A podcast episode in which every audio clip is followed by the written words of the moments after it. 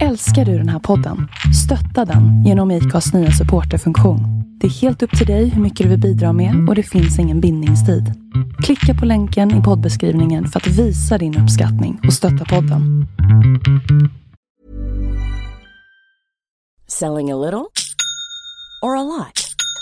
Shopify helps you do your thing however you cha-ching. Shopify is the global commerce platform that helps you sell at every stage of your business. From the launch your online shop stage to the first real life store stage, all the way to the did we just hit a million orders stage. Shopify is there to help you grow. Shopify helps you turn browsers into buyers with the internet's best converting checkout. 36% better on average compared to other leading commerce platforms because businesses that grow grow with Shopify. Get a $1 per month trial period at shopify.com/work. shopify.com/work. Hey, I'm Ryan Reynolds. At Mint Mobile, we like to do the opposite of what Big Wireless does. They charge you a lot, we charge you a little. So naturally, when they announced they'd be raising their prices due to inflation, we decided to deflate our prices due to not hating you. That's right. We're cutting the price of Mint Unlimited from $30 a month to just $15 a month. Give it a try at mintmobile.com slash switch. $45 upfront for three months plus taxes and fees. Promo rate for new customers for limited time. Unlimited more than 40 gigabytes per month. Slows. Full terms at mintmobile.com.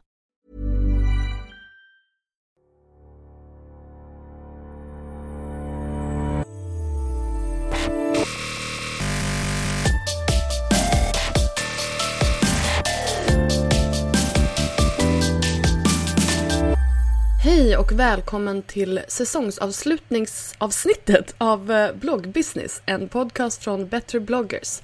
Jag heter Linda Hörnfeldt och är grundare av Better bloggers. Det här är som sagt eh, säsongsavslutningen eh, för bloggbusiness för den här säsongen. Men vi kommer såklart tillbaka efter nyår igen med nya spännande gäster. Och till dess så hoppas jag att ni hänger med oss på betterbloggers.se. Att ni blir medlemmar om ni är bloggare och vill vara med och göra eh, bloggbranschen lite bättre. Och eh, följ oss gärna på Instagram eller på Twitter, at betterbloggers. Dagens gäst är Maria Båt, eh, mer känd som Made by Mary online. Hon driver en prisbelönt matblogg och är fotograf. Vi pratar om hennes resa till att börja blogga som började med att hon fick en stroke. Eh, något som är väldigt ovanligt bland unga personer och gjorde att hon eh, omvärderade hela sitt liv. Vi pratar även om hur viktigt det är för henne att värdera sig själv och hur hon har lärt sig att ta betalt för sitt arbete som hon gör med sin blogg och hur hon är en väldigt stor förebild för många just när det gäller det. God jul och gott nytt år så hörs vi nästa år. Här kommer min intervju med Maria.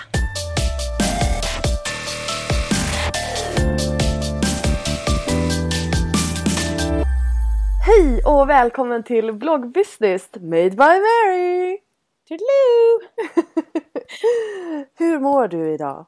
Jag mår bra. Jag är peppad på den här podden. Vad härligt! Trots, eh, trots hes, hes röst och hosta. Ja, men jag är förkyld också så att vi liksom får helt enkelt bara vi, vi kanske är lite mer, lite mer lugna och sobra nu än vad vi är i vanliga fall. Vad tror du? Eh, du kan ju intala dig själv det om du vill men... ja, ja. Nej. Nej, men vi, vi kan försöka vara lugna. Vi gör ett försök. Eh, ja. Och sansade. Men, men du, du sansade Mary. Eh, kan inte du berätta lite grann om dig själv och din blogg? Ja. Eh, jag heter Maria Båt och eh, driver en blogg som heter Made by Mary som är en eh, matblogg i huvudsak. Men den utgår ju såklart från mitt liv så att jag kan ju blogga om mitt bröllop och um, min hundvalp och ja, lite sånt också. Um, jag startade den för uh, 2011 i november så det är ganska exakt fyra år sedan nu. Uh, och det gjorde jag för att uh, jag fick en stroke i maj 2011. bara sådär, piff poff liksom. Bara sådär? Ja, bara sådär. Jag hade ett missbildat blodkärl i um, hjärnan som jag inte visste om. Och det bestämde sig helt sonika för att stänga sig. Så det löpte liksom igen sig själv och då blev det ju som en propp då, fast det var ingen propp. Mm. Och uh, så jag fick ju um, jättekraftiga yrselattacker och uh, kunde till slut inte... Jag fattade ju inte vad som hände liksom. Jag tänkte inte att jag fick stroke kan jag säga. Utan Nej. Jag, nej, det, var, inte- det, var, det fanns ju inte ens i min värld. Det är inte det skulle första som liksom slår en. Nej, men verkligen. Jag trodde att jag hade så här kristaller i örat. För att det blir man ju yr av. Och jag var jätteyr och kunde inte gå rakt. Utan helt plötsligt så bara gick jag... Jag fick anstränga mig för att liksom inte gå som i en båge. Eller jag gick ju en båge ändå. I efterhand kan jag ju säga så att eh, om man har så att man bara känner någonting, kristaller i örat, då är man bara som en så här cirkus, eller vad ska man säga, cirkussnurrig. Nu är det karusellsnurrig skulle jag säga. Men karusellsnurrig, ja. Men, men eh, om man har bara på en sida, att man känner av yrsel eller konstigt på en sida, då är det ofta hjärnan och då är det liksom, åk till akuten. Då är det illa. Men alltså hur fort gick det här? Var det liksom så här att... Alltså... För jag har ju hört liksom så här... Loppet, liksom. Ja men precis. Men Jag var på jobbet, eh, det var fredag och så helt plötsligt så, det är, typ alla har gått, jag jobbade över då som vanligt då. Mm. Och satt på kontoret och det var liksom ingen där heller och helt plötsligt så kändes det som att någon hade liksom slagit mig i huvudet med, eller du vet, eh, om man har, blod, om man har lågt blodtryck så kan man ju få så blodtrycksfall, det kanske Ja. alla har upplevt någon gång i alla fall. Så tänk dig det fast liksom jättestarkt och du sitter, du sitter bara framför datorn. Ja. Och jag kände bara så här hur jag blev ju helt så froze. Och så eh, vet jag liksom inte hur många sekunder eller om det var minuter som passerade. Jag, har- jag har verkligen ingen aning. Utan jag bara fick någon slags panikkänsla i kroppen. Och så eh, bara kom jag tillbaka till verkligheten och kände så här, Uff, vad fan var det där liksom? Äh, jag måste gå hem nu. Och så var det en tjej kvar på kontoret så vi gick till eh, tunnelbanan tillsammans. Och hon liksom pratade med mig och det var så här fredag, det var lite stimmigt och människor babblade och jag bara kände så här liksom att jag ser att hon pratar med mig och jag liksom försöker koncentrera mig på vad hon säger men jag, jag liksom jag, jag vet inte, jag sa saker till henne. Jag, kan, jag minns inte vad jag sa och jag vet att hon kollade lite på mig. Så här, "Äh, vad händer liksom? Men ehm, det var väldigt så här, utomkroppslig upplevelse på något sätt. Gud vad läskigt. Ja, så det var, det var jättekonstigt. Sen kom jag till, eh, jag, jag bor i Solna då. Eh, så kom jag till Solna centrum. Eh, och där skulle jag möta min eh, numera man och eh, handla mat. Vi skulle ha besök till helgen liksom. Och jag får en till yrselattack och kan inte stå, stå kvar. Liksom. Jag, jag, kan, jag måste ställa mig på knä. Så jag ramlar ihop på knä lite så här. Och, eh, jag har diabetes också. Så jag tänker så här, shit, är det någon jättekonstig ny så här, lågt blodsocker eller någonting? Så att jag försöker famla och försöker titta och se liksom inte riktigt, försöker ta blodsocker. Det är inget konstigt med blodsockret. Jag fattar ingenting. Och så avtar den här yrseln då. För då tittade jag ändå, då var jag med, med så här. Och när jag reser mig upp så är det som att jag är på en Finlandsbåt och hela liksom världen lutar åt vänster. Och det känns liksom att det är ett jättestort gummiband som bara drar i mig. Eh, så jag, vill liksom, jag vill gå till vänster. Fast jag, du vet, vi människor när man är frisk. Om man tänker att man ska hoppa på ett ben så hoppar man ju på ett ben. Eller om man ska gå rakt så går man ju rakt. Men tänk dig då att du tänker att du ska gå rakt men du märker att du går, du går till vänster. Du kan inte gå rakt helt plötsligt. Och det konstiga är det här att jag tänkte att det var pinsamt att folk skulle tro att jag var full. Det var liksom min första tanke. Jag tänkte liksom inte att det var något allvarligt ens. Jag fattade liksom ingenting och ringde min sambo.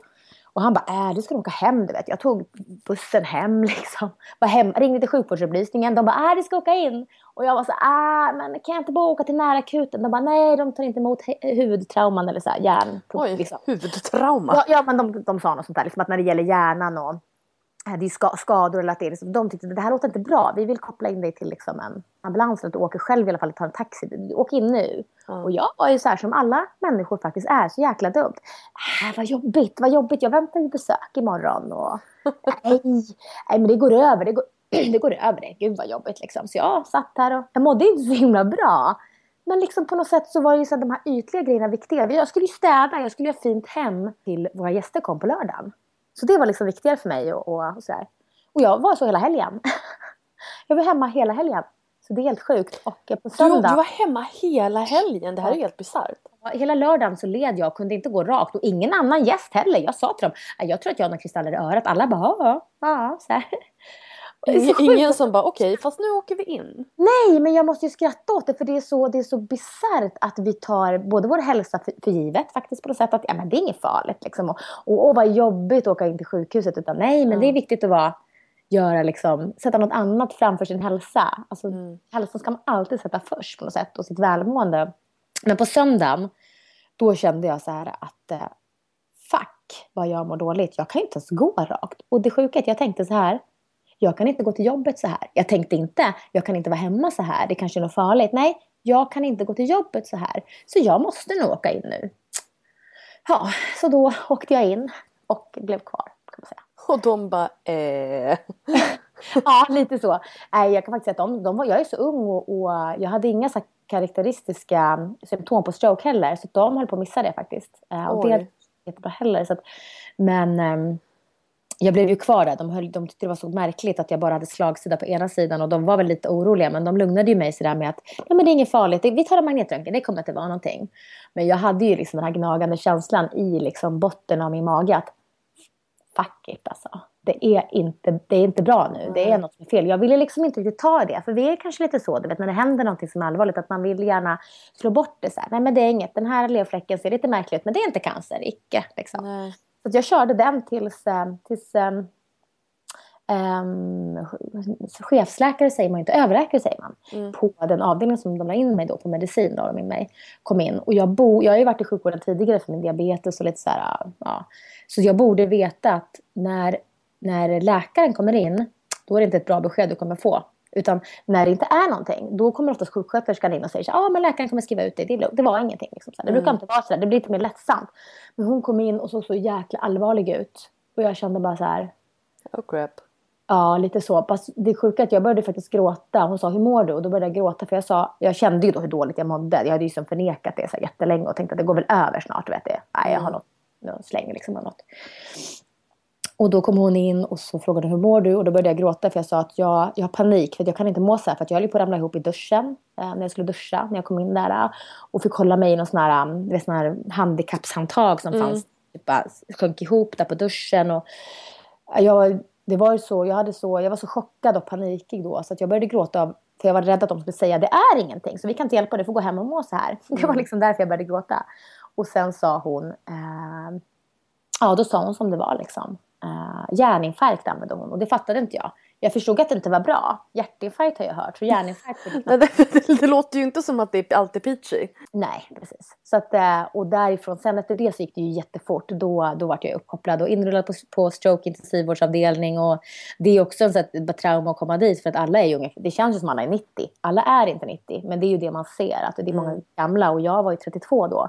Så jag kände ju liksom att ah, men det är dödens väntrum, nu dör jag. Min, min mormor fick en stroke på grund av en blodpropp. Hon dog ju liksom. Mm. Um, och det, jag tror det är det man kopplar. Så jag kände ju så att det, nu, jag dör fan nu alltså. Är det nu jag dör? Jävla crappy liksom. Så kände jag. en bra slutsats. Bara jävla crap. ja, det är jävla skit det här liksom. Nej men det var då jag, det var väldigt så här, intensivt och jag fick ju genomgå jättemycket undersökningar, jag fick ju blodförtunnande och allt möjligt tills de förstod vad det var. För att man ger ju blodtunnande då ifall att man får propp så, så ska man försöka mm. förhindra fler proppbildningar. Men idag är jag, med, idag är jag, ju, man säger friskförklarad fast jag har ju skador fortfarande som jag lever med. Och det är ju att jag är lite yr hela tiden. Jag har sämre balans på vänster sida. Eh, jag har koncentrationsproblem till exempel.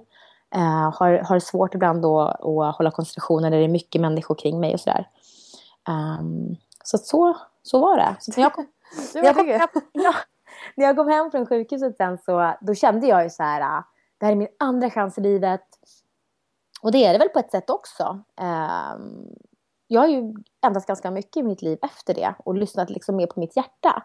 Och det är väl liksom det budskapet jag försöker föra ut också på bloggen. För jag skriver ju inte bara om mat. Jag skriver lite personligt ibland och har en kategori som är lite inspiration där jag har beskrivit att hur liksom stroke, eh, min stroke i alla fall sätter guldkant på mitt liv. Um, för det var det den gjorde. För jag började ifrågasätta då, vad gör jag med alla mina timmar och eh, alltså dagar och minuter i, av livet?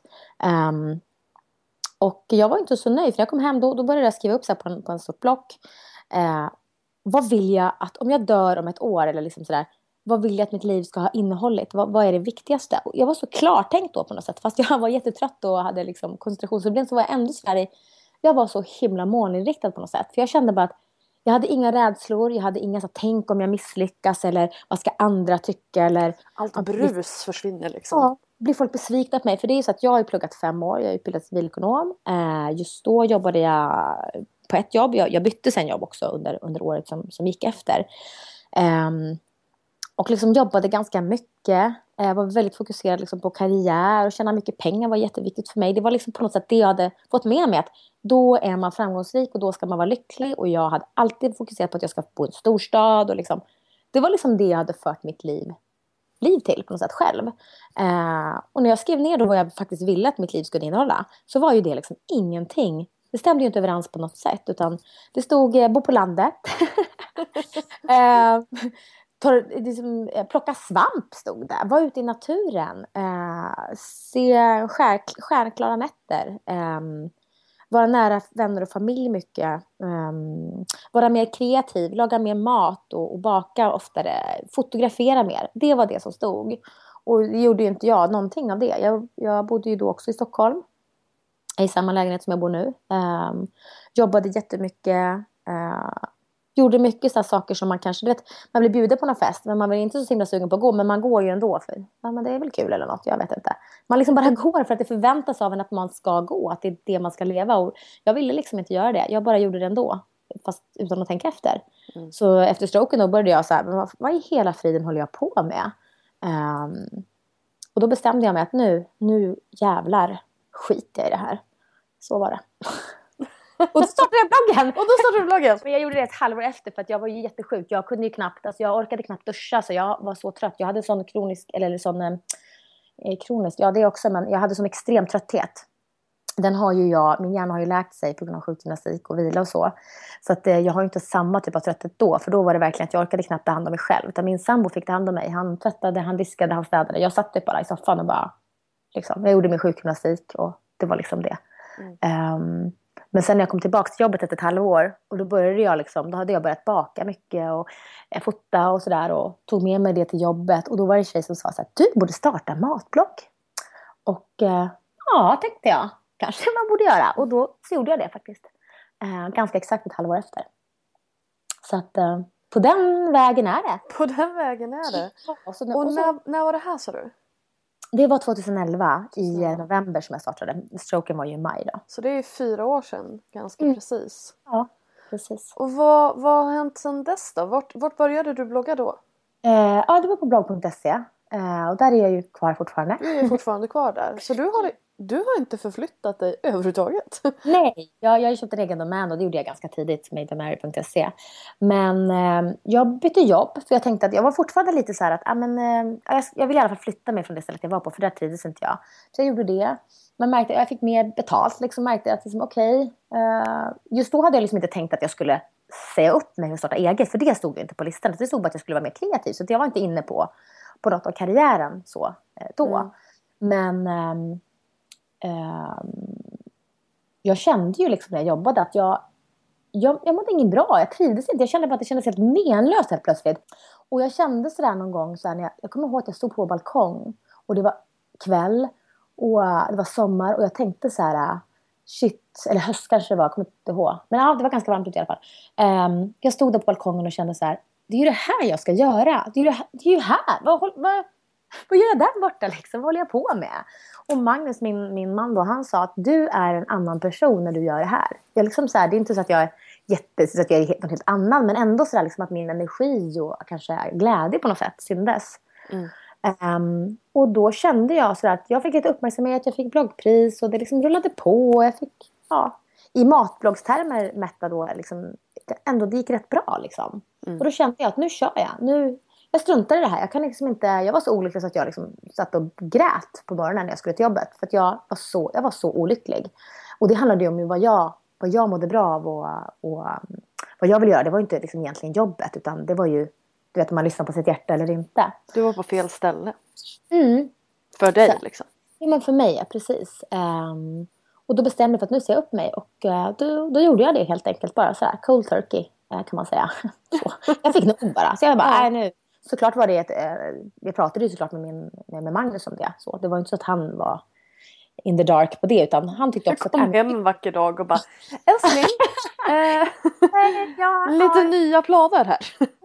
Månadslön nästa, nästa månad liksom. Surprise! eh, nej då, nej men så jag sa upp mig och idag så jobbar jag som matstylist och matfotograf och skapar recept då. Um, och bloggen är ju en del av det. Uh, så det är liksom en del av min business. Och uh, just nu jobbar jag på min första kokbok. Ja. Um, så att, ja, det, det, har varit ganska mycket hårt jobb men det har också varit otroligt givande, otroligt roligt och allt från roliga uppdrag till nya vänner och ny, massa nya erfarenheter. Har det varit men alltså gud, från att stå på balkongen och bara men vänta nu, det är ju det här jag ska göra. Till att göra en egen bok. Jag menar, det, det är ju inte någonting man gör en handvändning. Vad, alltså hur, hur Walk me through it. alltså, du, du, startade din, din blogg på blogg.se. När liksom kände du att ja, men det, här, det här är, jag har ju någonting här liksom? Mm. Eh, det är en jättebra fråga faktiskt. För jag har växt, tycker jag själv i alla fall, väldigt så organiskt. Det är liksom inget sådär som har...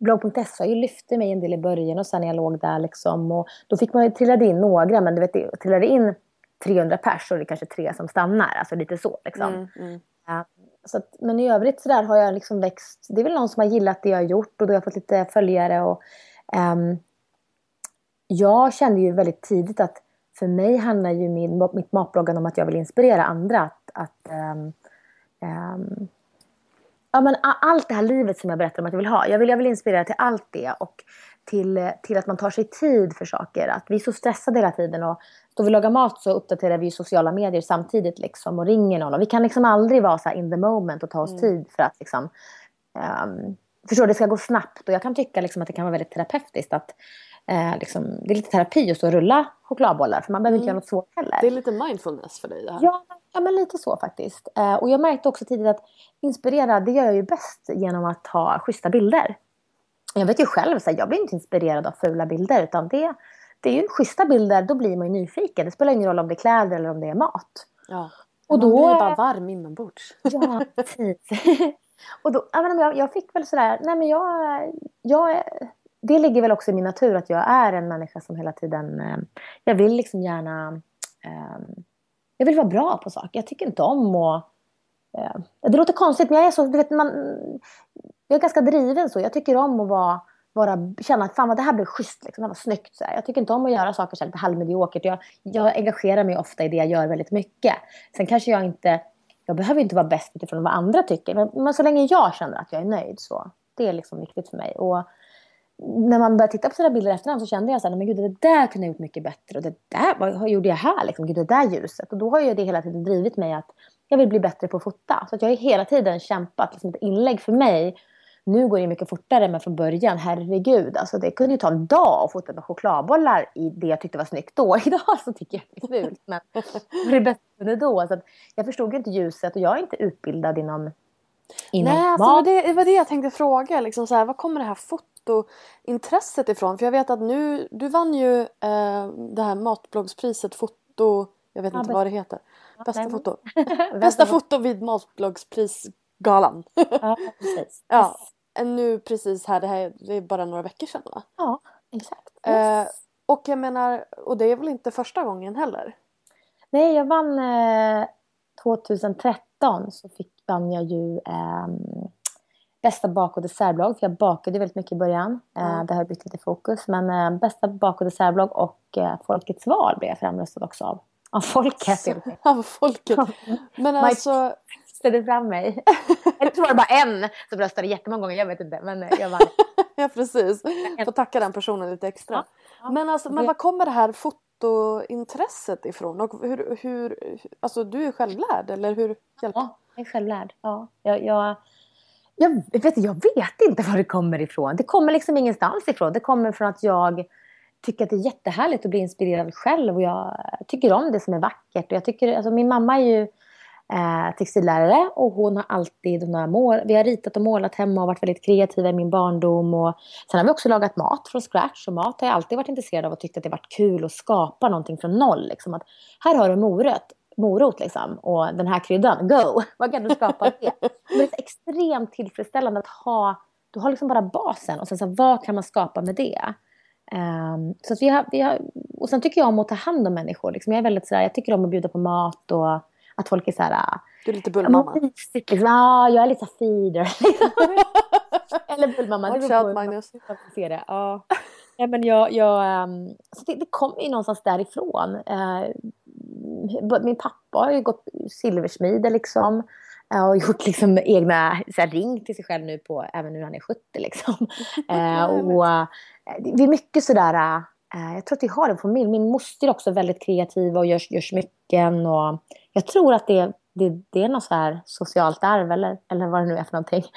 Um, så jag tror alltid jag har varit intresserad av det kreativa och eh, jag har faktiskt forskat på bloggar eh, i mitt examensarbete. Så, så skrev jag faktiskt om sociala, med ja, sociala medier och bloggar och interaktion. Så, huruvida det finns interaktion eller inte. Och, Spännande! Ja, då kände jag ju när jag läste bloggar själv. För att, eh, ja, jag läste ju en hel del bloggar då. Och, eh, bilder, liksom, det märker man ju. Att då blir det mycket roligare att läsa, läsa bloggar. Och jag vill ju ha en blogg som jag tycker är rolig att läsa. Om inte jag vill läsa den, vem ska då vilja läsa den om jag inte ens vill det själv?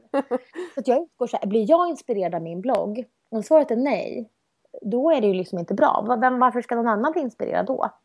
Um, och jag har höga krav på mig själv helt enkelt. Så då har jag liksom hela tiden kämpat. Jag kämpar än idag för att bli bättre. Jag, jag är inte alltid nöjd med det jag levererar alls. Men hur Så- håller du då? För nu känner jag liksom att du är ju väldigt så här. Jag hör ju drivet och jag hör ju ambitionen och, och, jag, och det är ju lite så här äh, duktig flicka i dig. Alltså hur, hur, hur balanserar du upp det? För jag menar när man är egen företagare då kan man ju man kan ju jobba livet ur sig. Ja, nej men det, det där är så spännande för att jag var jag har ju fortfarande det där i mig som du säger. Skillnaden när jag liksom eh, Eh, jag hade faktiskt ganska tuff så äldre, eh, övre tonår. Eh, det hände väldigt mycket i min familj, folk mådde inte bra. Det var, det var väldigt mycket som vi inte behöver gå in på nu. Men man kan säga att det, jag mådde inte så jäkla bra. Jag gick inte ut ehm, skolan med fullständigt betyg till exempel. Så jag har ju fått plugga upp det. Sen har jag pluggat som en gris för att ta högskoleprovet för att kunna komma in på en universitetsutbildning. Liksom, för att jag hade inte betyg överhuvudtaget för att göra det. Så att jag var verkligen så här on the loose. Liksom, hade kunnat gå hur som helst med det där kan jag säga. Men, men då har jag alltid varit så här, jag har ändå varit väldigt så här, driven och varit väldigt så här, som du säger, det här duktiga flicka, att man ska liksom, man ska vara så jäkla bra hela tiden. Och då var det, så hade, jag, hade inte min stroke hänt, då hade jag säkert kunnat varit en sån här person som hade gått in i väggen för att jag, man ska vara så himla duktig hela tiden. Mm. Men nu är jag mer så här, och då var det även så här utseende, liksom hur man ser ut och du vet, Mm. också pengar är viktigt och mycket så här yta på ett annat sätt. Ehm, men idag, så här, jag bryr mig inte om något annat. Jag gör det jag har passion för och jag vill bli bättre på det jag älskar och mår bra av. Men när jag inte orkar, nej, då orkar jag inte. Liksom. Jag, sitter mycket, jag myser mycket hemma. Jag, jag gör bara det jag måste och det jag vill. Alla borden skiter jag hö, eh, ja, högaktningsfullt i faktiskt. Nej, men det är, jag är lite så här, bryr mig inte. Så här. Förut hade jag inte kunnat ta hem någon om det är lite så här skit i hörnen. Liksom, eller om inte jag mycket sånt faktiskt tar bort stress för mig. Det kanske inte gör det för någon annan, men, men jag är lite så här, jag struntar i, då var det mycket så att man, jag skulle vara smal och sådana saker också. Tränade mycket en period och sådär. Jag bryr mig inte om det heller, utan jag är som jag är. Och om inte jag duger så, det skiter väl jag i. Om någon annan tycker liksom, att, jag inte, att jag inte ser ut som, som eh, man ska eller att jag, förstår du? Jag bryr mig inte om någonting sånt, utan jag, det, det, det har som, jag har liksom tappat det helt och det är jätteskönt faktiskt. Kan du inte Eh. ge mig lite av det där? Jag känner också att jag skulle vilja ha en, lite så här, en liten dos jag skiter i allt ibland. Ja, det är faktiskt jätteskönt. Jag kommer ihåg så här hur mycket jag på att sminka mig och grejer. Så här, nu är jag, jag sminkar mig när jag känner att det, jag ska gå ut och tycker att det är kul. Hemma jag är ju alltid osminkad. Förut du vet, då kan jag vara en sån person. Du vet, jag kunde inte gå till affären uh, osminkad. Mm. Men nu bara, jag går dit. Det är håret står åt alla håll. Jag bara, "Vad är läget? Liksom. ja, Livet är gött! Ja, jag tror att det är lite så här, jag har, har faktiskt, jag har alltid tyckt att det varit viktigt så här, att kämpa för kvinnor, så här, men jag har ju blivit, alltså när man tittar på hur man, hur man ser på samhället och jag är ju mycket mer feminist nu, eller jag är feminist, då var jag ju verkligen så här, jag tänkte inte ens på sånt utan jag bara, man skulle ju vara perfekt och snygg liksom. Mm. Men nu känner jag att det what the fuck. Ja, och min, kan väl Magnus ta och sminka sig i så fall om han tycker att det är så himla skönt. Nej, men jag tror att det där- är skitbekvämt. Det där Liksom. handlar ju också om att man inte är upplyst. Alltså, det handlar ju väldigt mycket om att man ska observera sina egna beteenden. Ehm, för att du vet, ja, men som du säger, att man ska sminka sig, man ska vara snygg. Man, alltså man, man hamnar ju i ett, i ett ekorrhjul som man inte har uppfunnit själv. Liksom, utan utan man, man bara hänger med i vad, vad samhället och normerna säger. Så att jag tror att man behöver kanske, du vet antingen så behöver det hända någonting som det gjorde för dig. Eller så behöver man bara så här man behöver få lite livserfarenhet under bältet för att liksom vakna till och tänka att men vänta nu. Varför gör jag det här? För vem gör jag det här? Gör jag det för mig själv? Eller, eller gör jag det från någon slags osynlig eh, person som jag aldrig kommer att träffa liksom? Jo, det kan jag verkligen känna så att vi gör så himla mycket i livet utan att fundera på varför vi gör det. Så, och det är helt, nu ska jag bara säga så här, jag tycker det är helt okej att vara supersminkad och bry sig jättemycket om sitt utseende. Såvida man känner att man mår bra av det och tycker att det är kul. Jag menar, det är klart att jag bryr mig om, jag menar, när jag gifte mig så hade jag ju verkligen tänkt igenom vad jag skulle ha på mig och sminka mig, allt möjligt. Jag hade gjort, fixat fransar och allt möjligt. Liksom, för då tyckte jag, då ville jag göra det. Men det ska inte vara att jag känner att jag inte kan gå ut utan att jag är sminkad. Förstår du? För då mår ju så jag... länge man gör det för sig själv. Ja, då har jag, jag, då har jag ju på något sätt liksom, vad ska man säga? Ja, för mig får man egentligen göra det för vem man vill så länge man känner att man mår bra av det. Ja. Och inte ha liksom en sån situation där man inte ens vill ge, bege sig ut utan, utan makeup eller utan att fixa sig. Eller, det är ju hur man förhåller sig till det kanske. Och det, det är ju ganska svårt att bena ut. Så här, vad, vad, vad har man lärt sig? Vad vill man? Det, det, det är ju en, det är en cirkel som man kan snurra runt hur länge som helst. För Ja. det är ju, vårt samhälle ser ut som det ser ut. Det är klart att, att vi alla blir påverkade av det. Liksom. Varför gillar jag långa killar? Ja, men det kan man ganska snabbt. Det är inte att jag kommer på det själv. Det är för att jag matas ju med att men vi, vi tjejer vi ska gilla, om man då gillar killar, då, ja, vi ska gilla starka manliga män. Liksom. Det är klart att jag har lärt mig det. Det fattar jag också. Liksom. Men ehm, jag känner att det, jag tror att det är där min balans ligger. Att jag, ehm, jag gör det jag mår bra av. Och eh, känner jag till exempel att jag inte orkar jobba en dag, för jag kanske har en dag när min hjärna är väldigt trött på grund av min stroke, då jobbar inte jag.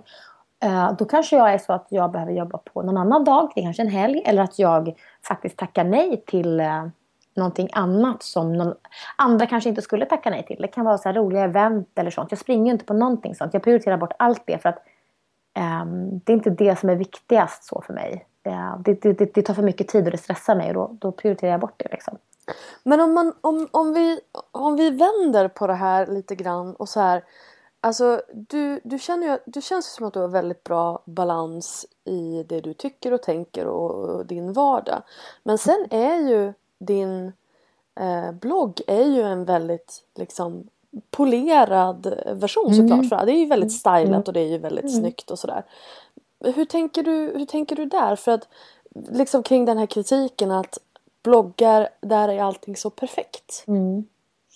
Ja, alltså, jag tycker det här är så intressant. Jag visar ju det jag blir inspirerad av. Jag kan bara utgå från mig själv. Liksom. Jag kan inte se vad andra blir inspirerade av. Utan jag, jag gör ju det jag blir inspirerad av själv. Det jag skulle vilja titta på. Det som, det som på något sätt så driver mig och ger mig glädje. Och det är ju det jag visar.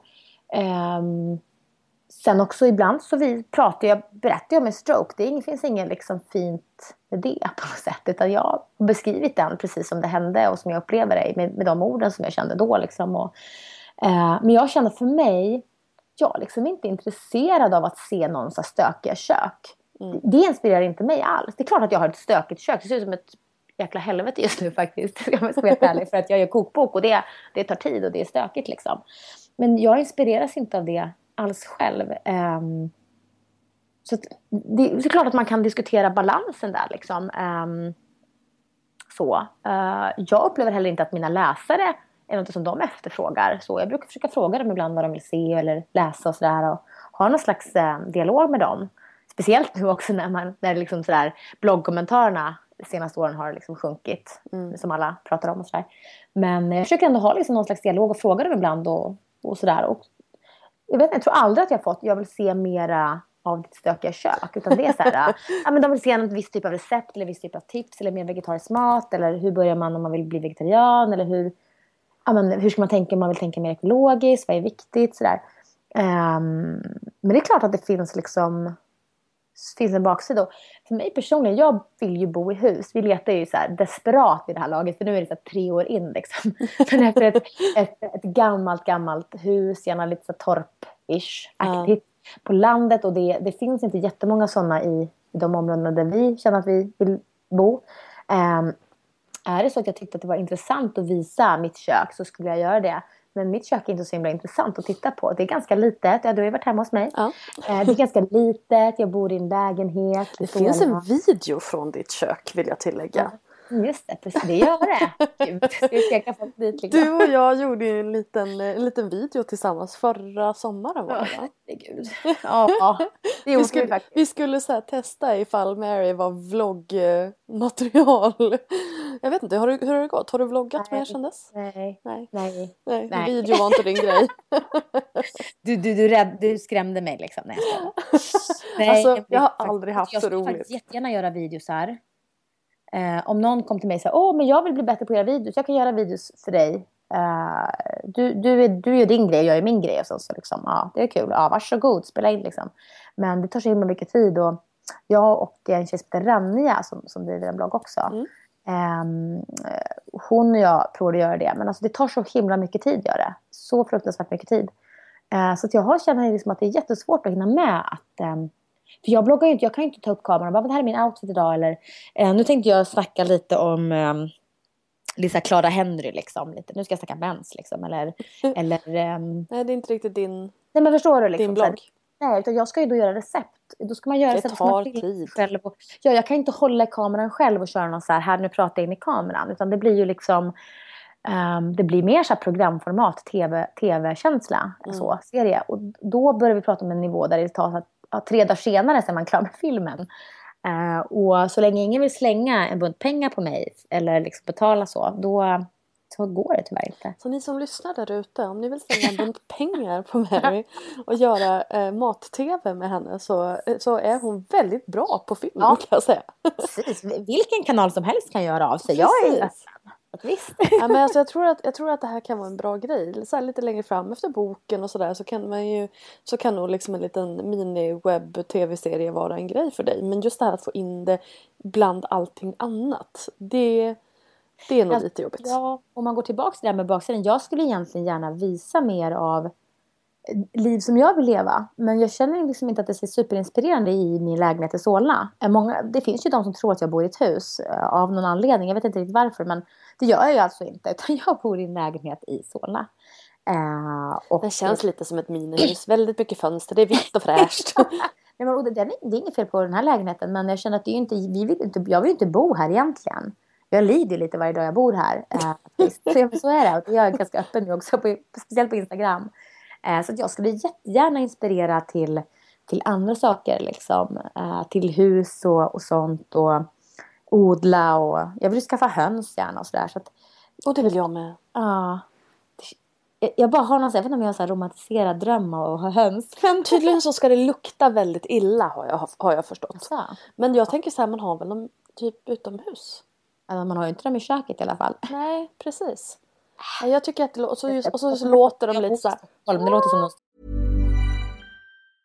Mother's Day is around the corner. Find the perfect gift for the mom in your life with a stunning piece of jewelry from Blue Nile. From timeless pearls to dazzling gemstones, Blue Nile has something she'll adore. Need it fast? Most items can ship overnight. Plus, enjoy guaranteed free shipping and returns. Don't miss our special Mother's Day deals. Save big on the season's most beautiful trends. For a limited time, get up to 50% off by going to Bluenile.com.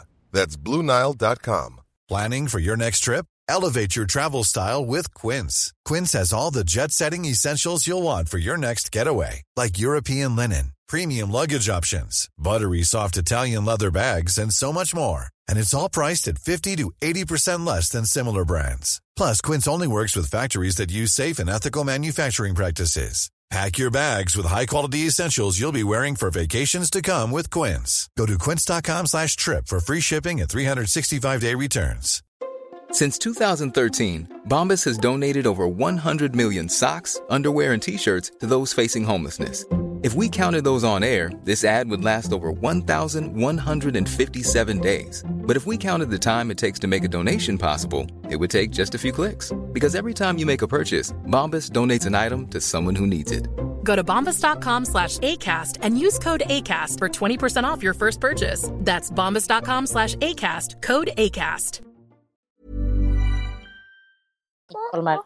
Storstadsbo som så här Ja, det är klart att det luktar koskit liksom, om man har kor. Och, ja, men ja. lite så. Det ja. finns ju faktiskt ett hus här i området. Jag bor ju i Nacka då utanför Stockholm. Eh, och i, liksom, i ett villom, jag bor ju i lägenhetshus men det är ju ett villaområde här. Eh, och när jag är ute och går med min hund så går jag förbi ett hus där de faktiskt har höns. Så de har en liten hönsgård liksom här i området och då tänker jag så här. Ja, man kan ha höns lite överallt. De är inte så stora, de har inte så mycket plats.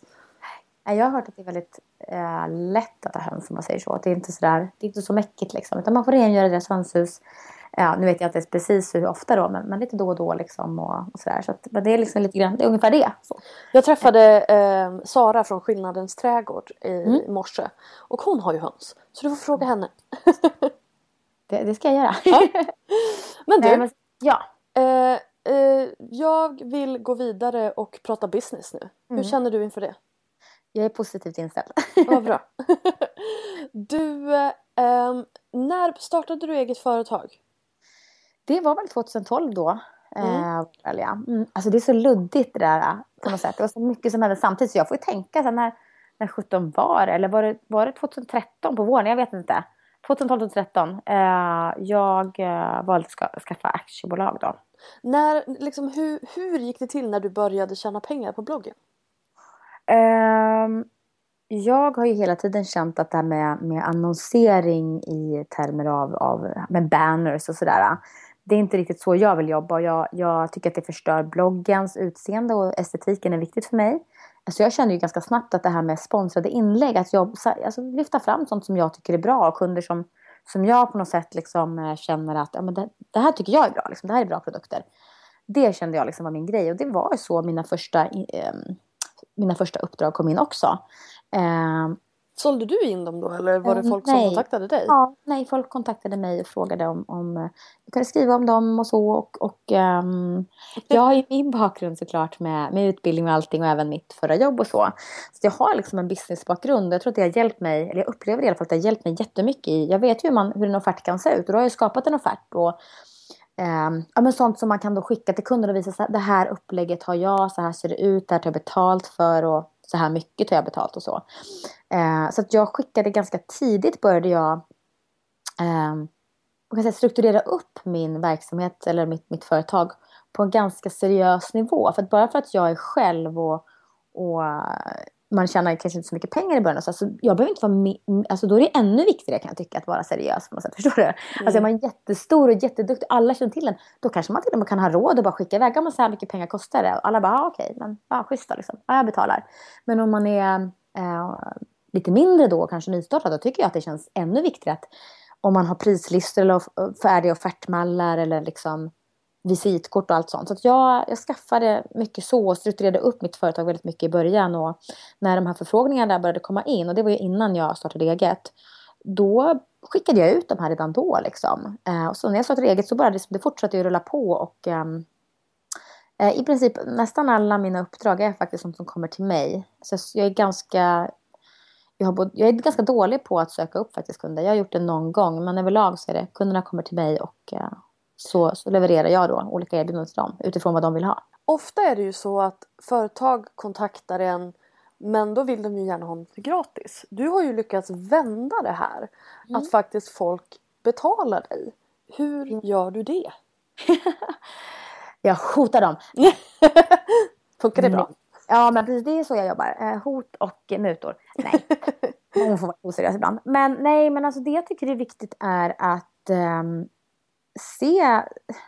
Vad ska man säga? Jag tycker att det, för mig så är det helt oacceptabelt att förvänta sig att jag ska jobba gratis. Jag får betala varje gång jag går in och köper en hushållsost på affären. Jag får betala varje gång jag kliver på pendeltåget eller tunnelbanan eller frisören. Jag, jag kan ju liksom inte så här, men eh, du kan väl... Jag pratar om dig lite om du klipper mig gratis. Så kan jag berätta för alla, alla jag känner att jag har gått hit och klippt mig.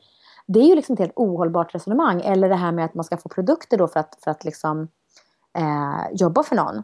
Vi, vi eh, slutade med byteshandel för ganska länge sedan. Du vet. Jag är duktig på att göra skor och så jag ger dig en sko så får jag två kycklingar av dig. För du födde ju upp kycklingar eller du, du har ägg liksom. Det har vi slutat med för jättelänge sedan. Om det är någon som vill gå tillbaka till det så då får de göra det. Men det, det funkar inte för mig känner jag. För jag kan ju inte säga, vet du, man sitter där i taxi så bara, ah, han bara, ah, Du kan få kyckling. jag bara, alltså jag har fy- 14 påsar godis. Hur känner du inför att ta dem istället? Han bara, ah, nej. Bara hyra på det. Jag menar, det är liksom helt... Jag tycker att det är jättesnällt, det blir humor. Jag, jag kanske liksom, det blir lite att jag ral- raljerar nu, men det är så jag ser på det. Jag tycker att det är liksom jättemärkligt att man ens... Va? Det är klart att visst, om du vill att jag ska prova något som du tror jag är intresserad av och du bara skickar det på vinst och förlust. Okej, det kan du ju skicka då, men om du vill synas, du får ju betala det precis som alla andra. Det handlar ju om respekt för mig själv och det handlar om respekt för alla andra i branschen. Och, så för mig så har det alltid varit självklart. Ehm, och sen har jag faktiskt läst mycket så här, Underbara Klaras blogg som är en jättestor inspiration för mig. Eh, både eh, ja, men bloggmässigt och eh, feminism och eh, jättemycket på jättemånga olika plan. Så är hon faktiskt en, en stor inspirationskälla för mig. Hon har ju haft så här eh, Klara ryter ifrån som jag läste långt innan jag skaffade blogg själv. Och då var det ju också mycket det här att man får såna här konstiga erbjudanden att men du skriver för mig så du får en glassmaskin liksom. Och hon bara, men hur ska jag, vad ska jag göra med den liksom? Jag har fyra redan typ. Nej men förstår du? Mm. Eh, Hur så ska att du betala hade- hyran med glassmaskinen? Ja, men typ. Ehm, så att jag var ganska förberedd på att det skulle komma eh, redan från början. Och hade väl bestämt mig. Så jag, menar, jag gjorde väl något misstag i början också. Men ganska fort kände jag ju att gud vad det här smakar illa i munnen. Alltså. Det känns inte bra. Det känns inte bra för min... Jag känner mig så jäkla... Alltså, jag känner inte att de respekterar mig. Gud vad de bara... Jag känner mig så trampad på. Och så kände jag också liksom att men hur påverkar det här alla andra? Och det kändes falskt att liksom bara tänka på liksom att jobba så. Jag vet inte, jag tyckte inte alls att det kändes bra. Så kände jag liksom så här, men om jag ska leva på det här, om jag ska göra det här, liksom, hur, hur ska det funka då för alla andra? Hur ska det funka för mig? Så att jag hade jättemycket sådana tankar redan där. Och, eh, jag tror om jag svarar, nu vart det långt, långt här, men om jag ska svara jättekortfattat på ditt, på ditt svar. här, Hur gör du? Jo, jag bemöter alla som hör av sig till mig med en offert och förklaring hur det ligger till. Jag gör faktiskt inte, inte alla, men kanske 98-99 procent i alla fall. Det är bara någon här och där som är riktigt så här hallaballå, hej och kom Ja, hjälp. precis. Alla som känns hyfsat seriösa. Ja, men det kan vara ibland så att det är någon utomlands som jag känner så att det här känns jätte... Det är ingen idé att svara på det här. Alltså de här länkköpsbolagen känner man ju Ja. igen nu och de är det ju kanske inte lönt att höra av sig till. Nej, Men... men... spelbolag eller vill du skriva om, om, om, om, uh, balklänningar? Bara, va? Ja, men, eller svara- när de inte nämner företagsnamnet i första mejlet. Bara jag har en kund. Ja, Mm. vem är kunden? Det är svårt att ta ställning till när jag inte har ett varumärke. Liksom. Ja, och det bemöter jag också. Så att jag, min, min förhållningssätt är att jag bemöter eh, de förfrågningar jag får på ett professionellt sätt. Också ett ganska bestämt sätt faktiskt. För jag tycker att det finns en gräns. Eh, om jag satt på en... en eh, men tänk att du sitter på en, eh, en intervju, eller vad heter det? Alltså en jobbintervju. Och de bara, ah, men du, du får jobbet. Eller vad har du för löneanspråk? Liksom, eller man kommer in på det här med lön. Och de bara, ah, vi betalar inget. Men vi, vår kund är chokladmärke så du får choklad. Då skulle man ju bara, ja nej. Och så skulle man ju gå därifrån och bara, gud, nej men okej, jag får jobba kvar där jag jobbar liksom. Ja. Det skulle man aldrig acceptera. Ehm, så att, jag vet inte, det liksom är, det jag tycker liksom inte att det är någon skillnad alls. Jag gör ett jobb, eh, någon vill, vill liksom på något sätt ha någonting av mig, jag gör det jobbet. Det är klart att man ska betala. Det är inte konstigt än så. Men sen tycker jag det är intressant det du säger just det här om att eh, du måste tänka på alla andra, du måste tänka på branschen. För det tror jag att många missar. Att det man gör eh, återspeglas ju på hela branschen. För att om du då inte tar betalt och så går, man, går den här till nästa person och så vill den personen ha, ha pengar. Varför skulle man då betala när jag inte behövde göra det sist? Så att... Som- det är ju jättefrustrerande också, Ja. ska jag säga, när man, när, jag, när man vet ibland att eh, det, och det, det blir ju lite så, så här, vet, det kommer fram oftast ändå liksom, på något sätt. Eller eh, att man liksom, ah, nej, men det, det var, det här, det här företaget jobbar ju så här, för det, det sprider sig liksom. Mm. När, folk, när folk gör så, eller, eller att företagen gör så, så sprids den här kunden betalar aldrig. Ehm, det är klart att det är extremt frustrerande som när man försöker göra, för jag tycker att det här är också en kvinno, kvinnodriven bransch, kvinnostyrd bransch. Och jag tycker det liksom på något sätt blir det ännu viktigare för mig att vi såklart att vi ska ta betalt. Vi är kick-ass bra. Det är ingen jäkel som kommer och säger att vi ska jobba gratis. Så det är klart att det är frustrerande om man ser att någon faktiskt gör det. För att det är såklart att om du kontaktar ett företag eller ett företag kontaktar dig och du bara, ah, men jag får så här många produkter och det kanske är skitsnygga och bra produkter. Eh, Det kostar ju väldigt lite för företaget kanske att producera dem. Utpriset är ju kanske lite högre men det är fortfarande sådär, hur ska man leva på det? De lägger alltid på minst två och en halv. Ja men precis, ja det är minst. Jag kan säga oftast, eh, så det kan ju vara till och med, beror på vilken typ av produkt det var. Där, Ja, det är man- nog oftast kläd, kläder, ja, konsumtions... Ja. ja. Visst, men det kan ju vara så också att det är till och med åtta gånger priset. Alltså, Mm. liksom, att man lägger på åtta gånger för att komma till, till liksom, konsumentpriset. Så det ju, Ja. Så det finns, alltså när de säger att de inte har budget. Det är i 99% av fallen inte sant. Ja. De, behöver, de, nej, de kanske inte har någon budget specifikt för bloggsamarbeten. Men de har en annonsbudget eller de har en budget för, eh, för PR. ta man- den då liksom. Ja, sen så det där om man, om man liksom kommer till det så jag tycker att det där är, det där är också så här, det jag tycker det är humoristiskt. Jag har inte budget.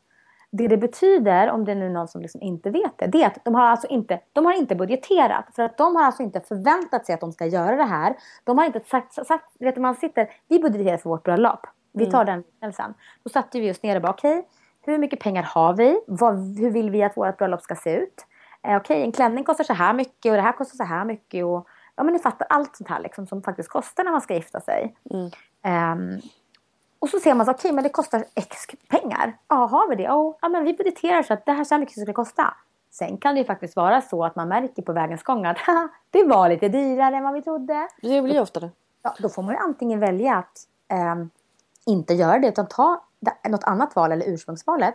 Eller att faktiskt helt enkelt ta mer pengar från sitt sparkonto. Och det är liksom ingen skillnad för företag heller. De har ju haft ett möte. Hur, hur ska vi marknadsföra oss ut mot våra kunder för 2016? Då har de satt upp en så här, okej men vi har så här mycket annonsbudget, vi har så här mycket på det här. Då har de uppenbarligen skitit i att blogga. Eller som bloggar alltså. Mm. De har ju inte satt någon budgetpost för bloggar. vi har ingen budget. Vet du vad jag känner då? Jag skiter väl i din budget. Jag har en egen budget, hörru du. Jag har inte heller någon budget för att inte ta betalt. Ja, men alltså så här, vad ska jag göra med den informationen med Det enda du säger är att vi har varit dåliga på att planera eller struntat i att betala bloggare. Så vi tänkte att du skulle jobba gratis. Så jag känner så här, jag tycker inte att det är någonting, man ska inte skrämmas av att företag skriver ja, vi har en liten budget. Det enda de säger är, jag vill inte betala dig. Nähä, okej. Eh, sen tycker jag såklart, nu låter jag lite hård, det är klart att man ska kunna komma överens om ett kanske ett schysst paketdeal om man har ett längre samarbete. Eller ett första, man kan ha en förstagångsdeal där man kanske sänker sitt pris lite grann. Jätteviktigt också att visa då att man har rabatterat priset. Inte bara ge ett lägre pris utan du ger ditt originalpris och sen gör en rabatt på den. Så att kunden ser vad det faktiskt kostar i ursprungs, Precis. ursprungskostnaden. Ja. För annars är det lätt att de blir förvirrade. Men det kostar ju så här lite sist. Ja men jag hade rabatterat det. Ja, det skriver inte du ut. Så att man liksom på något sätt... Ja, men det är en eh, jättebra grej att säga. Ja. Att man visar det liksom i sin, sin offert då, eller sin pris, pris eh, ja, som man skickar ut och sin prislista eller så. Men du, Eh, eh, mm. när du började ta betalt för, eh, för du har ju tagit betalt eller he, hela vägen mer eller mindre. Men jag tänker att när du började ta betalt, Mm. alltså hur såg din trafik ut då? Eh, Har det varit, Eh. en, har det varit en, en stor faktor i hur du tar betalt eller hur tänker du? Nej, faktiskt inte egentligen. Eh, Så jag började ju väldigt lågt. Jag testade tror jag på sådär, det var någon 2000 lapp, en tusenlapp och sånt där. Liksom bara testade för att jag ville bara eh, se liksom hur det kändes. Så att det- Och det var ju väldigt tidigt. Jag tror inte ens att jag, då betalade de ut kanske till och med lön till mig tror jag faktiskt. Så Du hade inte väldigt- företag? Nej, jag tror att det var så tidigt som jag minns det i alla fall. Ehm, men för mig, jag tror att det är lite skillnad på också, man får se lite vad för typ av inlägg det är och vad man skapar för något. För jag kan ju bara utgå från mig själv, jag har ju en matblogg och där, mina recept ligger ju kvar. Och jag jobbar ju mycket med, med SEO, alltså sökordsoptimering eh, och ehm, min, om jag skapar ett recept med en produkt så ligger ju den kvar på min blogg och så tankar den mot Google. Så man får ju träffa in hela tiden. Eh, så att jag skapar ju liksom mer så här content. Det är ju det, jag skapar ju innehåll till kunder, till deras sidor. Om jag skapar, ehm, om vi tar då till exempel inte ett sponsrat inlägg utan vi tar ett annat typ av uppdrag som ändå kommer in via bloggen. som kanske är att jag ska ehm, jag ska skriva någonting kanske på bloggen men också att de ska ha receptet och bilderna på sin hemsida. Jag skapar ju trafik till deras sida också. Jag skapar ju content, jag skapar ju hållbarhet. Liksom. Det är inte bara nu och så snabbt och så är det inte intressant sen. Så då känner jag att jag måste ju ta betalt för min tid på något sätt. Eh, precis som man tar betalt från en fotograf. Eh, där kan man titta på Svenska Fotografers Förbund. Eh, där finns det ju rekommendationer vad man kan ligga på. Och då behöver man inte börja på, på det de rekommenderar. Man kan ju börja på 1000. De, de rekommenderar 1500 för kommersiella uppdrag. Men man kan ju börja på en tusenlapp till exempel, eller 900 spänn då, om man inte har så mycket erfarenhet. Per timme? Ja, per timme. Ja. X-moms per timme. Precis. Ehm, så jag har tittat så här, hur lång tid tar det här att skapa för mig? Så det är mycket det jag utgår från. Eh, Jag hade ett samtal idag med en, en potentiell kund. Jag pratade faktiskt om att visst, jag kan väl, det är ett, ny, ett startup-företag. De har budget, men kanske inte jättemycket budget. Hur förhåller jag mig till det? Hur jobbar jag? Och då sa jag, jag tar betalt för min tid. För den tummar inte jag på.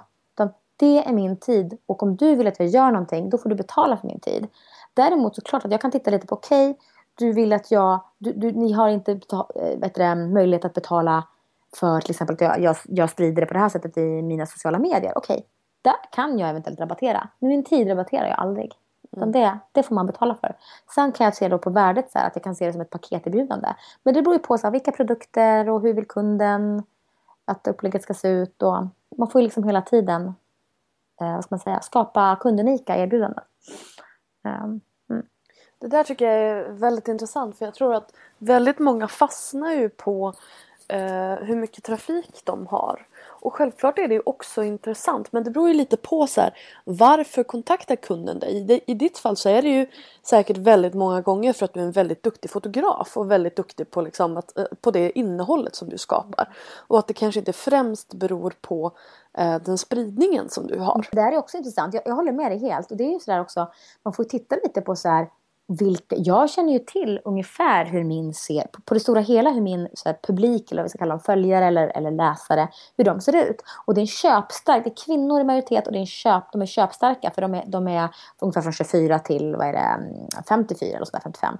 De ligger däremellan och de flesta är runt eh, 24, 34 eller något sånt liknande. De är, de är ungefär ja, men som du och jag, lite yngre. Mm. Um, och de tjänar egna pengar, det vill säga att de kan handla. Om jag har 200 000 följare på en vecka men alla är 14. Mm. De har kanske en veckopeng eller månadspeng. Eller det är fruktansvärt få av dem som faktiskt tjänar några pengar där de har en köpkraft.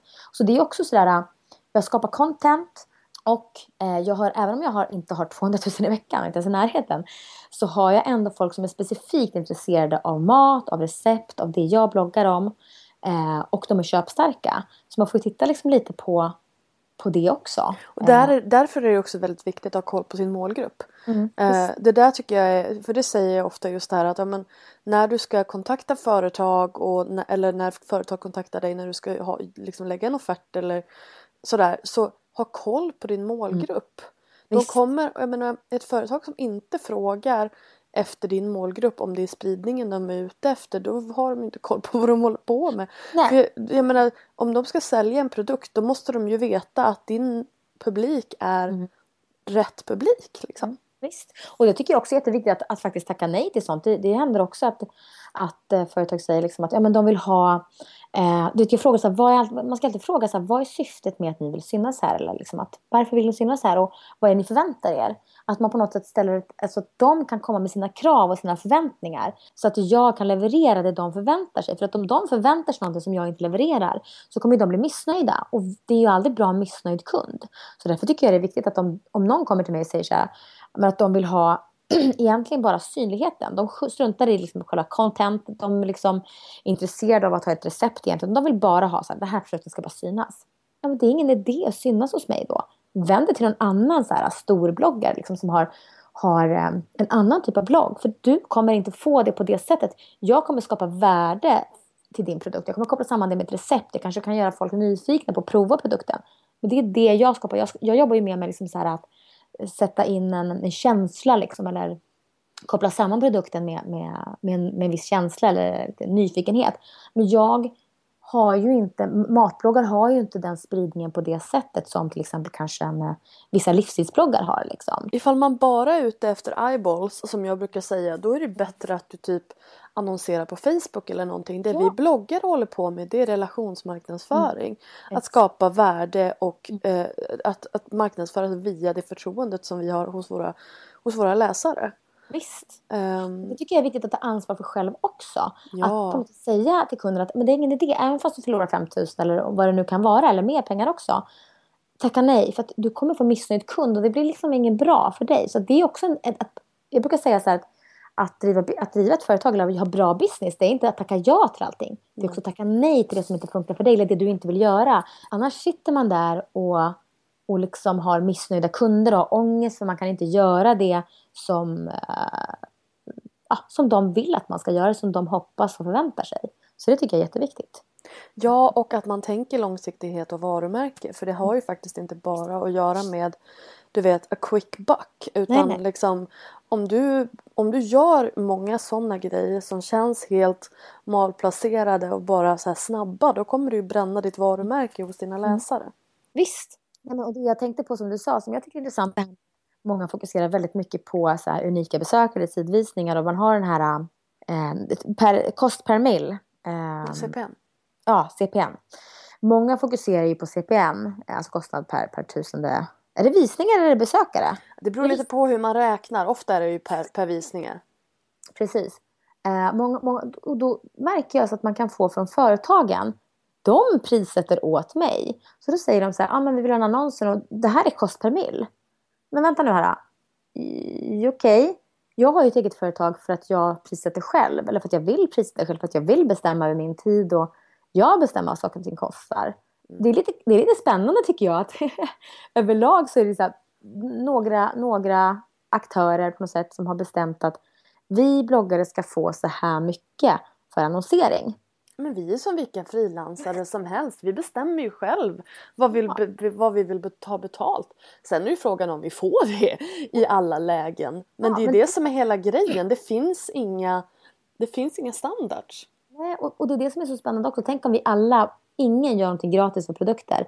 Alla tar betalt. Eh, vi säger att vi vill inte ha så här låg CPM för vi tycker att det, det, det är inte schysst. Liksom. Utan vi, vi, vill ha, vi vill ha så här, vi vill ha dubbelt så mycket CPM. Jaha. Ja. Och det är ju vi som ska bestämma det. Det är ju inte någon säljare som sitter där och bara Jag tycker att ni ska ha så här. Och man bara nej nej nej nej.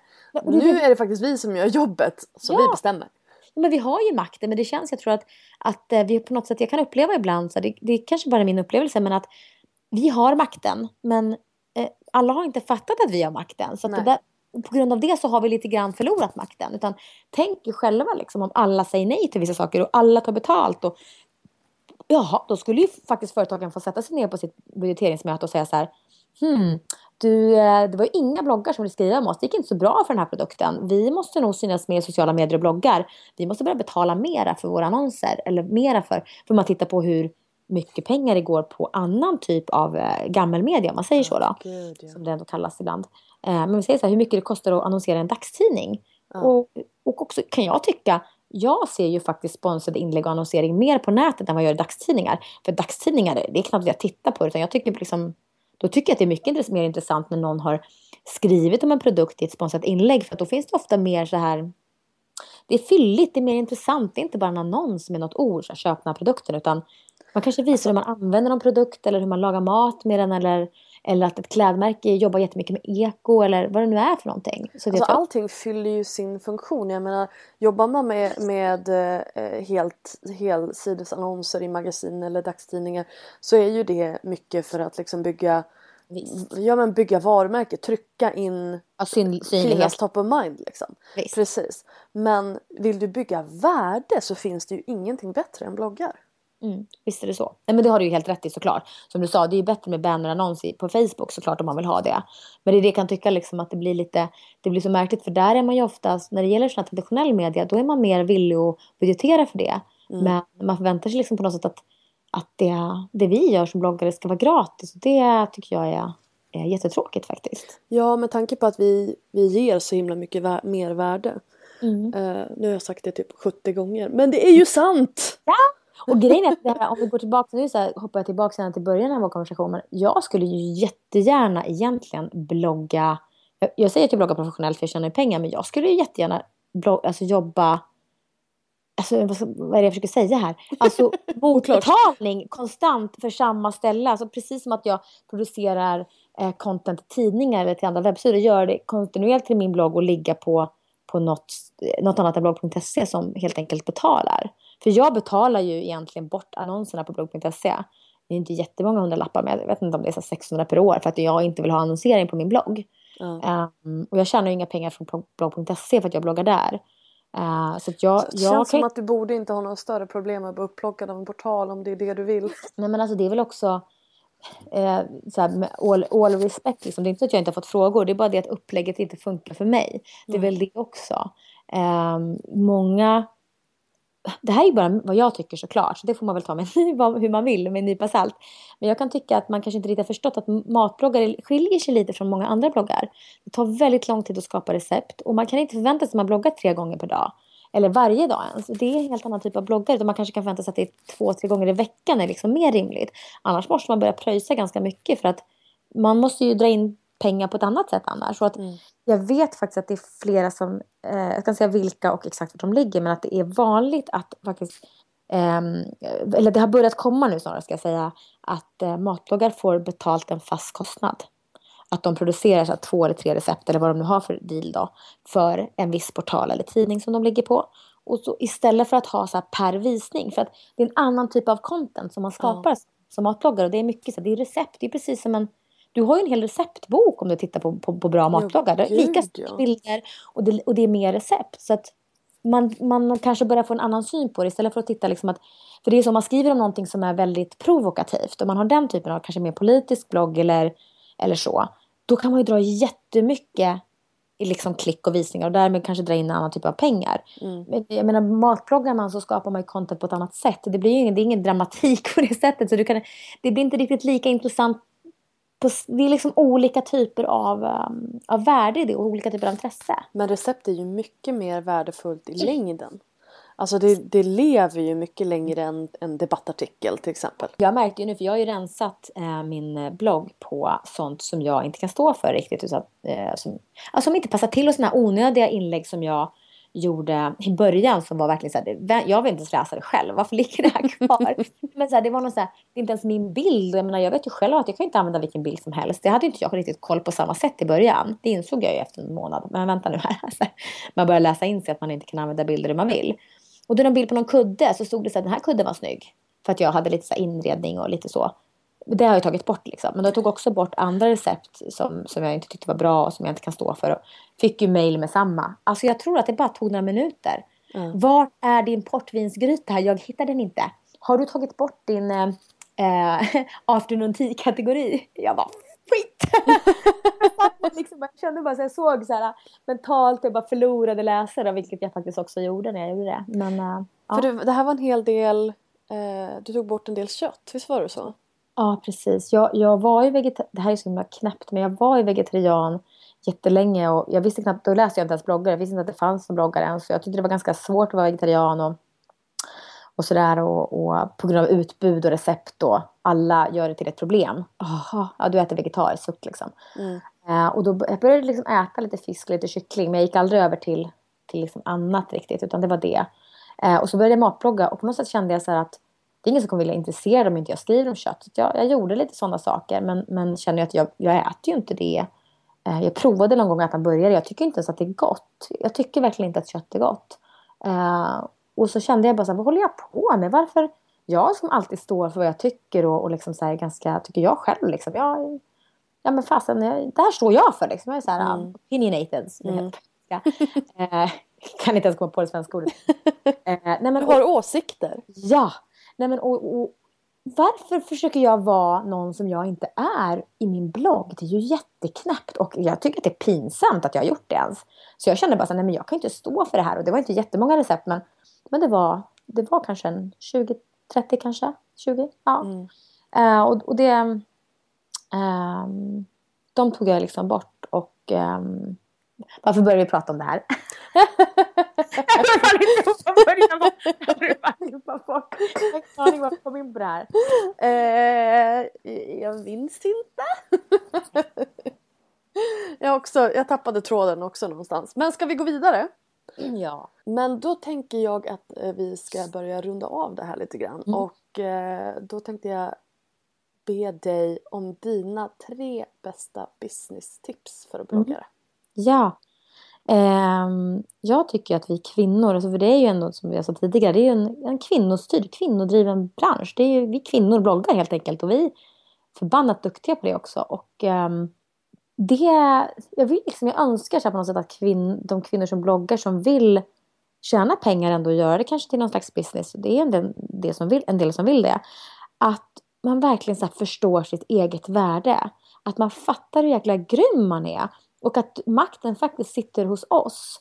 Om vi alla eh, liksom började ta betalt då, då skulle ju företagen tvingas budgetera.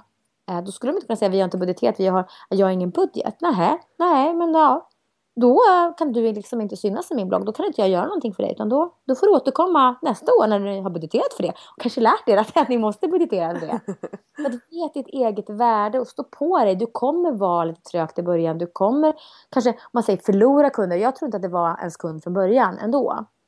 Um, utan att de var inte intresserade av att betala. Alltså det, liksom, det, spelar ingen roll att du skickar en offert eller inte. Utan då har du i alla fall meddelat dem att så här mycket kostar det. Då vet de ju att att uh, de måste liksom budgetera den här summan till nästa år om de vill synas.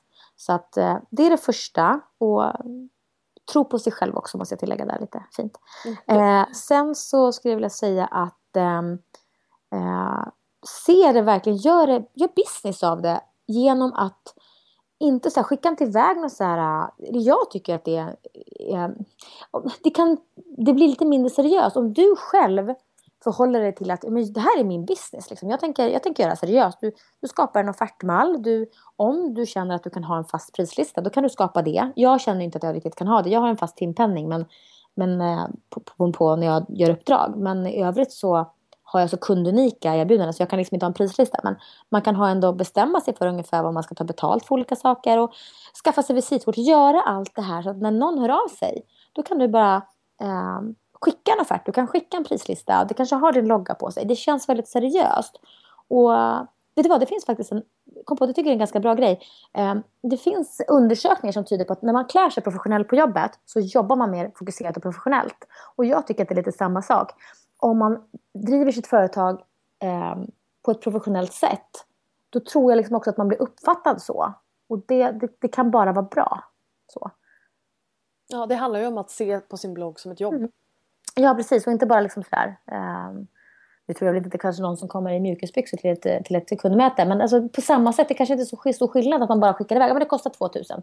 Och de känner sig, men vad får jag för 2000? Vad är det ingår i det? Alltså, här vill jag också lägga in mediakit. Mm, alltså så att man faktiskt ja. visar på okej okay, det här har jag gjort förut. Eh, de här, alltså sådana här samarbeten har jag gjort förut om man har gjort det. Eh, det här är mina siffror, det här är min, min, mina social medieföljare siffror. Alltså och Gör ett litet CV liksom. Ja, och det som jag tycker är viktigt är också att säga att det är också skillnad. Om du själv kontaktar någon så är det ganska viktigt kan jag tycka att man har det. Man är förberedd. Mm. Sen om någon kontaktar mig då vet de ganska ofta. De har varit inne och läst att jag har jobbat för de här kunderna. De har sett en portfolio. De har sett vad. Så då kan de vara ganska så att de vet redan. De kanske vill ha, de vill ha reda på mina uppgifter ofta eh, när det gäller besökare och sånt där. Men i övrigt så är de ganska. De vet liksom. Eh, sen tycker jag att det är bra att ha det ändå. Men, men man får tänka på att om du kontaktar någon och de frågar så här, men vad är det för siffror, har du ett mediakit, har du det här? Och man bara, uh, va? Precis. Det, det, är liksom, blir, det är väldigt stressigt kan det bli för dem. Då måste man slänga ihop där i paniken och så måste man googla vad betyder mediakit. Exakt. Det finns en mall på Better bloggers kan jag, kan jag tipsa om. Eh, för mediakits som man kan ladda ner och använda om man inte har någon. Mm. Ja, och så var det väl tredje då, det är, jag tycker kvalitet. Kvalitet. Faktiskt. Mm. Um, så är det två gånger också för att... Ja. för att det ska lite eftertryck liksom. Nej men det är... Um, tänk på det att det som du postar på Instagram eller det du postar på, på bloggen eller vad det nu är för du har för typ av kanaler som du jobbar med. Så är det så att det ligger kvar där. Och om du ser utifrån, om du är en kund, tycker du att det här, medför det här något värde till ditt varumärke? Om du postar saker som inte medför ett värde, det, det säljer inte in ditt varumärke. Om jag tittar på mig med Mary så kanske jag vill att det ska stå för, för vissa saker. Eh, om jag postar någonting som på något sätt liksom skär sig lite med det. Eh, jag vet att du har dina tre, så här, din mamma och en potentiell ja. pojk, potentiell arbetsgivare, va, tror jag att jag har ja, hört dig Precis. Eh, dina tre filter. Ja, dina tre filter. Men att man, liksom, att man har, antingen gör så, eller att man, man är så pass an analytisk att man tittar så här. Hur, vad tillför det här mitt varumärke? Så bara, det här får mig ju framstå som rätt bitter och det är ganska tråkigt och det känns jätte... Nej, ja men då ta bort det liksom. Faktiskt tycker jag. Um, så beror det helt på vad man har för blogg. Man kanske har en blogg där man, där man är bitter kan jag säga. där, man, där man kanske debatterar och man kanske är lite rolig. Det kanske är humor, man kanske gör det med glimten i ögat. Då är det helt okej. Okay. Men Så man får ju utgå vad man har för typ av blogg och, och, och Men så. tänk varumärke. Ja. Det ska, det ska gå ihop med ens varumärke. Mm. Så ja. det är mina tips. Vet ett värde och bra... Eh, förlåt men min, min hund piper. Jag måste bara vänta. Jag kan inte koncentrera mig. Hon drömmer. jag säger så här istället. Så det är mina, det är mina um, tre tips faktiskt. Tack snälla Maria för att du var med i Bloggbusiness. Tack så jättemycket Linda. Du har precis hört ett avsnitt av Bloggbusiness, en podcast från Better bloggers. Podcasten hittar du såklart på iTunes och på bloggbusiness.se. Vi finns även på Facebook, på Twitter och på Instagram at betterbloggers. Lämna gärna en kommentar med vad du tyckte om intervjun eller kanske lämna ett önskemål om en framtida gäst. Tack för att du har lyssnat. Ha det bra. Hej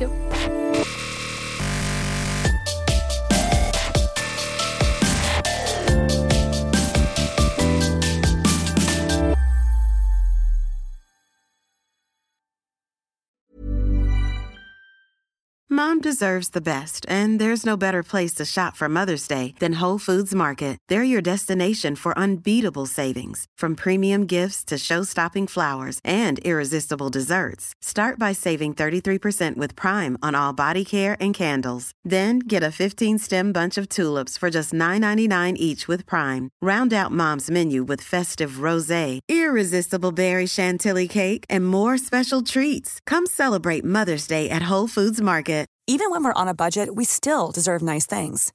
Quince is a place to scoop up stunning high-end goods for 50 to 80% less than similar brands.